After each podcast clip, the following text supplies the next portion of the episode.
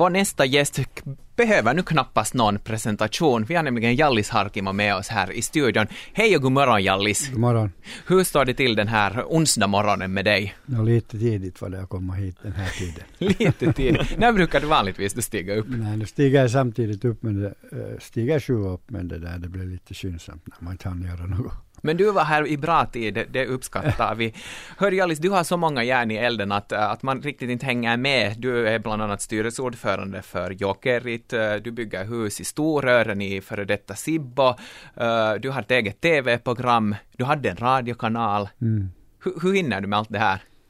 Jag har bra killar som jobbar för mig. Att jag är styrelseordförande och så har jag vd som gör det där jobbet. Att jag behöver inte göra det där dagliga jobbet. Det är ju det som det som gör att, att jag har möjlighet att göra så många saker.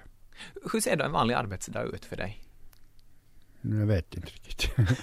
De är alla olika. Det beror på lite. Att, att det beror på vilken... Nu, nu koncentrerar jag ganska mycket på det tv-programmet. Det tar alltid det tar lite mera tid för att... Och sen är det lite jokerigt och sen är det lite Sibbostrand och det, det är lite ett av varje. Att, att det, det är helt beroende på dagen. Att inte, jag har inget sånt här hur ser min dag ut. Mm. Så det är helt kan vara vad som helst. Ja, det kan vara vad som helst. Från tv-program till mångmiljonaffärer. ja. uh, vad, vad heter det nu, vad får det att bli så driven? Hur liksom, hur orkar man vara med i så hemskt många projekt? No, jag är van vid det. Jag har varit med de senaste åren har jag alltid haft många projekt. Så det där. Inte, tycker jag att det är så lustigt. det är som vilken annan arbetsdag för oss vanliga dödliga. Uh, vad va är det tokigaste? Du, du har ju ställt upp på hemskt många olika saker. Vad är det tokigaste du har ställt upp för? No, det, jag vet inte vad det tokigaste är, men, men uh, jag, jag, Menar du något tv-program eller, eller? Nej, helt vad som helst. Det finns ju fast... No, många gånger kommer det tokiga saker på det sättet att det finns människor som kommer till mig och säger att de har en bra businessidé. De skulle ver ver verkligen vilja träffa mig. Och, och det där. Och så, så lyssnar man på deras idéer. Så, så träffar man dem och så lyssnar man på så är det något liksom som är helt otroligt. Som man aldrig skulle kunna tänka sig att man skulle kunna vara med om. Att, att helt ofå det finns massor med sådana. Men du går ändå och lyssnar på dem? No, nu måste man ju vara vänlig mot människor och, liksom, och lyssna på vad de har att säga. Så. Nu brukar jag många gånger men, men nu för tiden så ber jag nog först ett e-mail så att jag får lite en beskrivning. Men tidigare lyssnade jag på alla. Hur känner man igen då en bra businessidé? Ja, det kommer hemskt sällan fast under tio år så har det kanske kommit en sån som, som man har fått av någon annan. nu måste man nästan själv hitta på dem. Mm samarbetar du sen med teamet och gör dem till så här fungerande ja, ja, sen, sen tar jag sådana människor som är bra och, och, som förstår sig på saken som utvecklar det sen. Mm. Finns det någon dröm som du ännu har som du inte har förverkligat? Mm, om det skulle finnas så skulle jag inte säga det. Tillsammans med oss här i studion har vi Jallis Harkimo. Ja, vi sitter här och funderar på det ena och det andra. Du är nu aktuell med ditt program Jalliksen kanssa och där du pratar om allt möjligt sånt som alla vill höra men som ingen riktigt vågar säga. Hur, hur, det där, hur vågar du prata om sånt här? Jag inte vet jag om det är något vågar. Det är bara att jag, tar, jag, tar, jag talar bara om sådana saker som jag tänker själv på.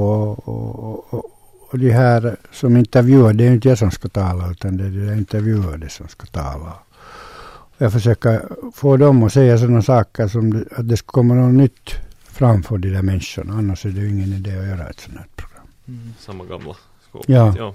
Jag vad heter googlar ju förstås här för att vi skulle titta lite att vad är det som jag har hållit på med senaste tiden och vet du jag fick upp så många sådana sådana tal, chattställen och där var det bara att Jallis on niin ärsyttävä. Jallis är så irriterande. Varför tror du att folk tycker att du är irriterande? Inte vet jag, nu är det ganska många som tittar på det här tv-programmet. Men precis. Annars, men inte vet jag varför det. För, jag, jag kan inte svara på frågan. Tror du att det är någonting med att göra att du är, har så mycket pengar? No, inte vet jag kanske det. Inte vet jag många saker. Det är säkert att de tycker faktiskt så. Många är säkert avundsjuka också. Jag funderar så här, man förknippar ju det ofta med mycket pengar och investeringar och projekt och det ena. Men finns det någonting som du gör liksom gratis? Sådär No, många saker. Inte, de här projekten som jag nu börjar med, så inte, inte det där pengar, det där första sakerna som jag tänker på. Att, nu gör jag massor med andra jobb också som har med välgörenhet att göra, men de minns jag inte tala om. För då får man en sån där bild att man försöker få fram det, att man gör välgörenhet. Så det är bättre att göra det liksom så att ingen vet. Aj, är det tabu att göra No, välgörenhet? ja, det är nu lite sådär att så vad, vad tror han nu att han gör när han försöker säga att han gör välgörenhet. Det är bättre att inte prata om det så mycket. Då blir det mera ärsytta sen igen.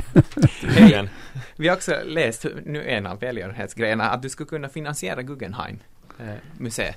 Gud, Jag kan inte finansiera det men jag kan vara med som en liten del och finansiera och kan hjälpa att skaffa finansiärer till det. Det tycker jag att det är en, en sak som Helsingfors behöver.